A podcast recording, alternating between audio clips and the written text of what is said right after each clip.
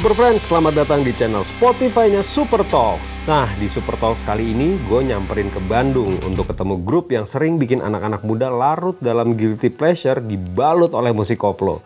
Berdiri dari tahun 2018, main di gigs-gigs kecil, klub sampai sering banget jadi kuncian penutup line up di festival-festival besar nih Super Friends. Dan sekarang gue udah berada persis di depan base camp mereka nih.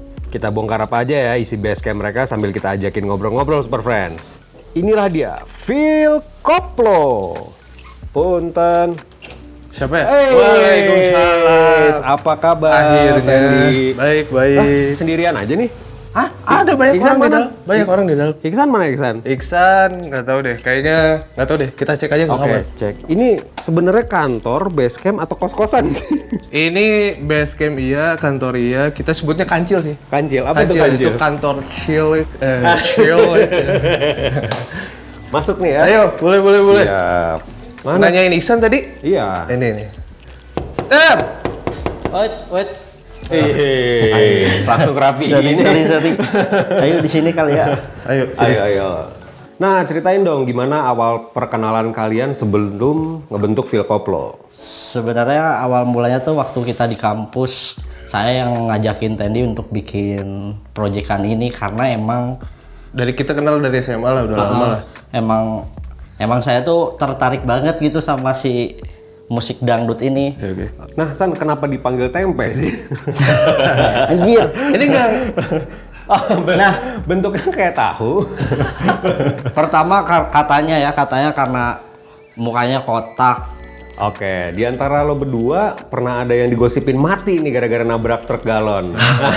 Siapa? Siapa tuh? Itu Dan saya ceritanya lagi gimana? Itu digosipin mati gara-gara saya sempat kecelakaan nabrak truk galon. Oh, tengah subuh jadi rumah saya dari tempat nongkrong tuh lumayan jauh kayaknya ketiduran jadi pas bawa motor tuh ketiduran ada truk lagi parkir nabrak kayak udah di situ lupa langsung gue mau nanya dulu nih, apa skill lo berdua di luar bermusik dan nga- selain ngajakin orang-orang joget nih? kalau saya sih biasa ngebenerin produk Apple sendiri sih dari handphone Servis gitu ya? iya karena emang biar murah aja gitu daripada pakai jasa Jadi jadi nggak perlu dibawa ke bengkel ya? iya Nah, kalau lo apa?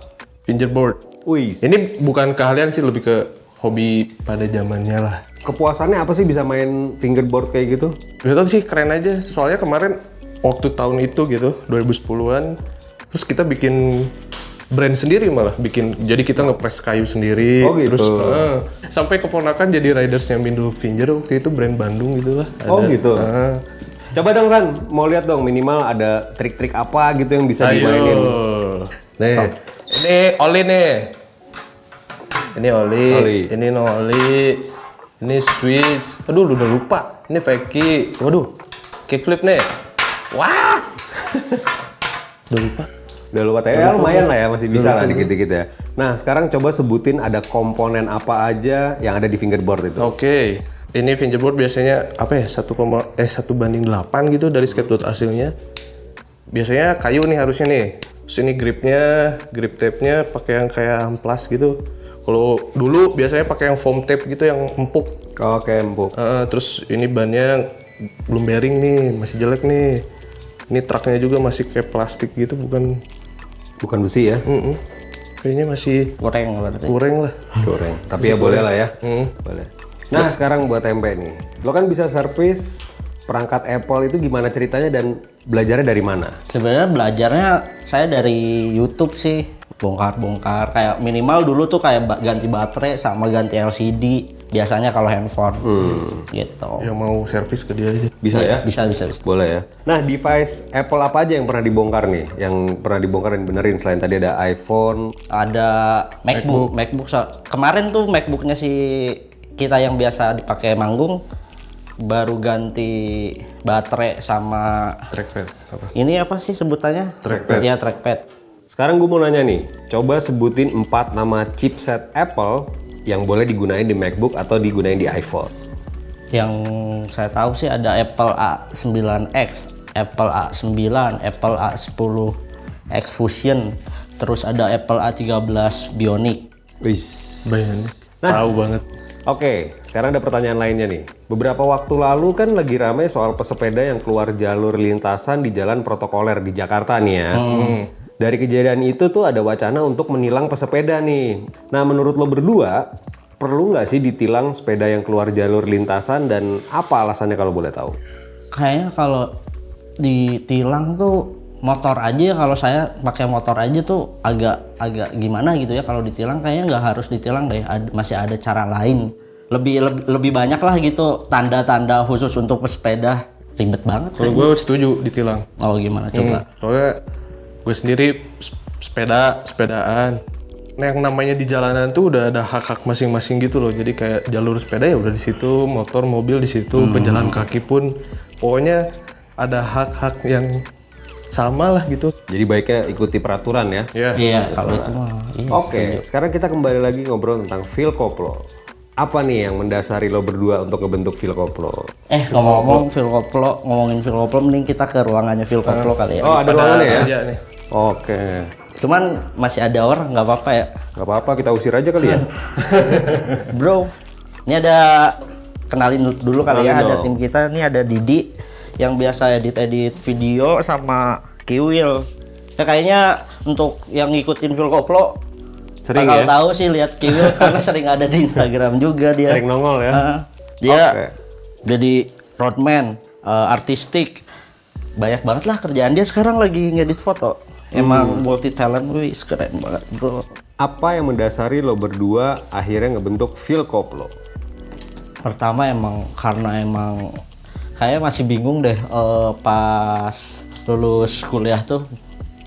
Kita belum tahu nih mau kerja ke mana. Jadi mending udah happy happy dulu aja hura-hura dulu gitu. Karena di situ tuh lagi ada acara Halloween party teman bikin. Kita sebagai sebagai ditawarin gitu lu mau nggak main di sini belum tahu mau main sebagai apa. Di situlah baru muncul nama Phil Koplo Kenapa akhirnya milih genre remix dangdut koplo nih? Apa yang menarik dari dangdut koplo dan kalau boleh tahu referensinya dari mana aja nih yang sering lo dengerin berdua? sebelum Phil Koplo tuh ini sering nongkrong sama teman-teman.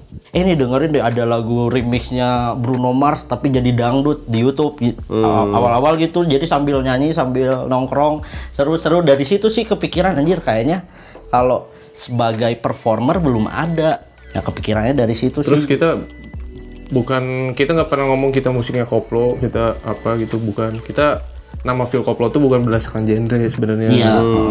Apa ya? Banyak yang salah artikan gitu loh. Oh ini musik koplo gini ya. Padahal enggak sih. Kita remix yang ada dan kendang ya bisa disebut dangdut, orkes, apalah bebas gitu. Oke, jadi nggak- itu ya. pernah koplo kita juga sebenarnya.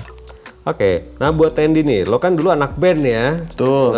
bawain alternatif rock sampai shoegaze juga dibawain. Tuh. Nah, apa yang akhirnya membuat lo mau beralih banting setir mainin lagu-lagu koplo atau dangdut yang tadi kalian bilang? Kalau boleh cerita sih dari dulu gue nggak terpatok ke satu genre-genre musik tertentu gitu ya. Masih ingat gak sih gigs pertamanya Phil Koplo? Ingat banget sih itu tuh yang di Halloween party tuh. Yang paling seru banget tuh sampai lagunya Cuki Mai band punk rock Bandung tuh kita remix jadi Fangkot. jadi fangkot. Terus The Adams yang konservatif. Di remix juga. Iya, sambil nyanyi semua bareng-bareng. Wah, seru banget sih. Terus pada saat itu masih tempe doang sendiri nih yang perform. Iya, karena sebenarnya janjian awalnya tuh si Tendi sebagai orang belakang Dapur aja lah. di dapur aja. Jadi yang perform, yang perform tuh saya doang. Setelah panggung ketiga dia baru mau. Saya Akhirnya baru paksa nongol terus. ya. Nah, proses apa aja sih yang lo berdua alamin hingga akhirnya bisa sampai ke level yang lebih besar dan dikenal banyak orang? Kayaknya kita dibantu oleh band-band yang kita remix juga sih sebenarnya. Kayak misalkan waktu itu kita nge-remix Cuki Mai. Lukasnya nge-repost. Ya, Lukas. Kita remix Kloset, Kang Ijannya nge-repost. Jadi kayaknya makin-makin pada nyebar-nyebar gitu jadi semakin luas terus kayak organik aja gitu. Kekuatan internet sih, thank you banget. Terima kasih pada internet ya. Lo berdua sering banget jadi line up penutup di festival-festival nih. Bahkan main setelah band-band yang udah terkenal banget. Ada beban tersendiri nggak sih? Eh sambil jalan kali ya, sambil, Sambil jalan, jalan, iya. biar lihat ruangan. Luas nih. Kita Ganggu ini. kantor tour. Kantor tur, kos-kosan tur ya. Yang dia Kosan tour. Si Isan doang nih yang tinggal di sini sebenarnya. Iya, sekalian, sekalian tinggal. sekalian jadi satpam.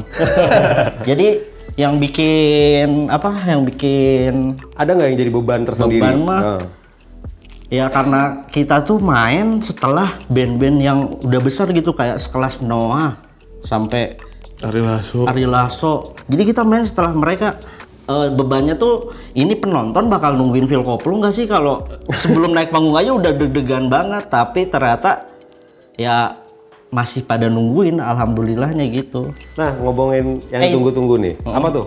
Ini ada ruangan Oh, ruang kantor juga nih ya. kantor lagi. Jadi sebenarnya rumah ini tuh bukan kantor Phil Koplo doang. Jadi ada mana ini ada kantor mikrogram, manajemen artis gitu. Nah, jadi tim yang membantu kita sebesar ini tuh ya mereka-mereka ini lah. Begitu. Oke. Tuh. Siap. Sambil ke belakang. Sambil kita belakang. naik ke belakang. Boleh. Boleh. Ya kita nyantai-nyantai. Dingin nih di sini nih. Ah, di sini enak nih, dingin. Ada terasnya di belakang ya. Iya. Ya, kita Oke, kita lanjut lagi ngobrol. Enak nih ya di sini ya. Nah, pernah ada gaya joget paling aneh orang yang nonton Phil Koplo nggak yang pernah lo berdua lihat? Ada ten waktu yang di balik papan. Kaki di kepala, kepala di kaki. Jadi orang diangkat tapi dibalikin. Yang naik tuh ka- kakinya doang. Jadi yang joget tuh kakinya sampai kayak gini-gini nih. muter-muter Muter sampai muter-muter. Namanya joget helikopter. Joget helikopter ya. setelah acara itu kan kita posting tuh di Instagram ya orang yang joget itu. Minggu depannya lagi di kota yang berbeda orang-orang ya orang yang nonton Phil Koplo ngikutin. Jadi ada aja gitu minimal satu orang yang joget kayak gitu. Jadi kayak joget signaturnya lah gitu ya.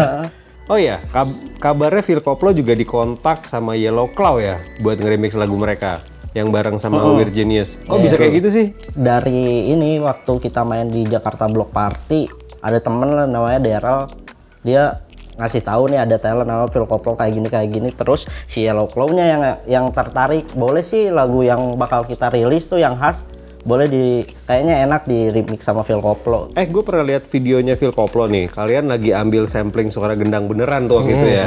Nah, kalau boleh tahu gimana tuh flow proses singkat kalau misalnya Phil Koplo nge-remix sebuah lagu tuh seperti apa? Kalau Phil Koplo tuh kayaknya kita segimana mungkin menyesuaikan dengan lagu aslinya gitu. Tadi kan lo berdua cerita ngebentuk Phil Koplo waktu zaman masih susah banget tuh ya. Perubahan apa aja sih yang kalian alamin setelah Phil Koplo semakin dikenal seperti sekarang? perubahannya yang tadinya kita pengangguran punya pekerjaan Akhirnya. akhirnya sok tadi apalagi Mama jadi bikin Instagram. Serius? Iya soalnya anaknya kan pergi-pergi mulu gitu. jadi Dipantau dia ya? Mantau gitu. Banyak, banyak kenal gitu ya. Jadi kayak kenal sama idola, terus kerja sama bareng nah gitu. itu sama sekarang gitu. benar Baru-baru ini kan ada kejadian di All England 2021. Menurut lo gimana tuh? Sempat lihat nggak? Hati-hati sama netizen Indonesia ya. Nah, tuh ngeri banget ya. Ih, Tiba-tiba hilang aja. Nah, sekarang kita ngobrolin mini album baru Phil Koplo nih. Apa yang akhirnya memotivasi kalian untuk bikin lagu sendiri dan apa sih artinya A Culture Essex? Akultur A6 itu sebenarnya dibacanya akulturasik. Akulturasi. Dari single pertama kita kan single pertamanya akulturasik.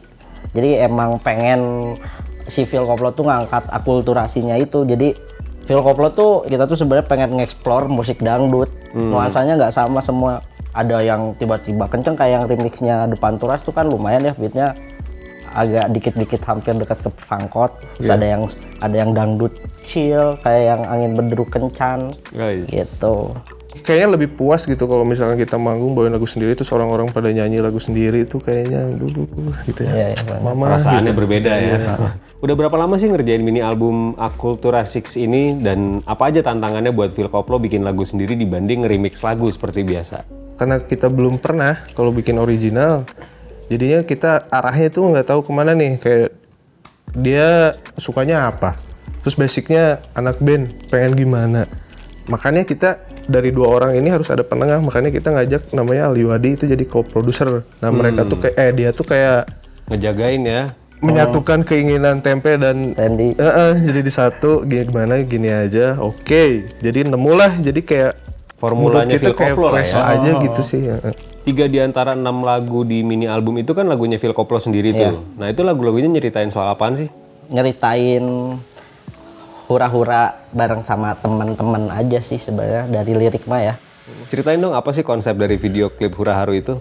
kita tuh kebanyakan orang kayak ngerasa apa ya aman nggak di tengah-tengah gitu gimana ya nggak Di Safe zone gitu ya. Ya, kayak gitu-gitu cuma ya udahlah jadi kayak harus balance gitu. Makanya kenapa judulnya hura haru tuh antara hura dan haru tuh harus balance gitu. Jadi harus gitu lah ya. Ternyata maknanya cukup dalam ya di balik pura haru ya.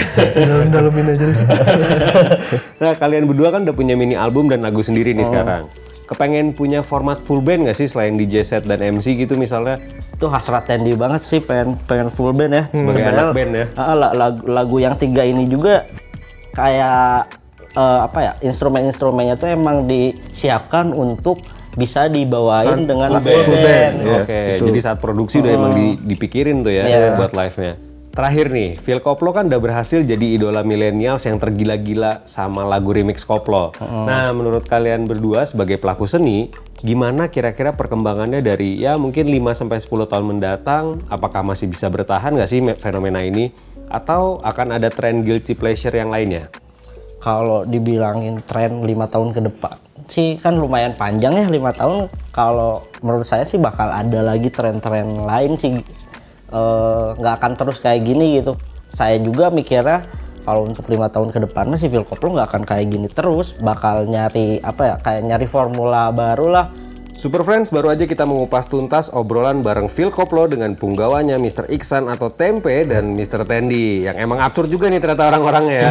Tapi tetap seru dan inspiratif ya Super Friends ya. Mulai dari iseng jadi serius sampai akhirnya punya mini album sendiri nih. Ditunggu ya full albumnya setelah ini ya. Siap. Siap. Oke Super Friends, sekian buat Super Talks bareng Phil Koplo. Nantikan Super Talks di episode berikutnya. Stay tune terus di channel podcastnya Super Talks karena kita bakal terus ulik, korek, dan kepoin apa aja informasi seputar idola kesayangan lo yang tentunya lo belum tahu Super Friends. Jangan lupa juga untuk nonton Super Talks di channel YouTube Super Music. Terus lo tulis dia di kolom komentar siapa bintang tamu selanjutnya yang lo mau untuk kita datengin. Bye Super Friends!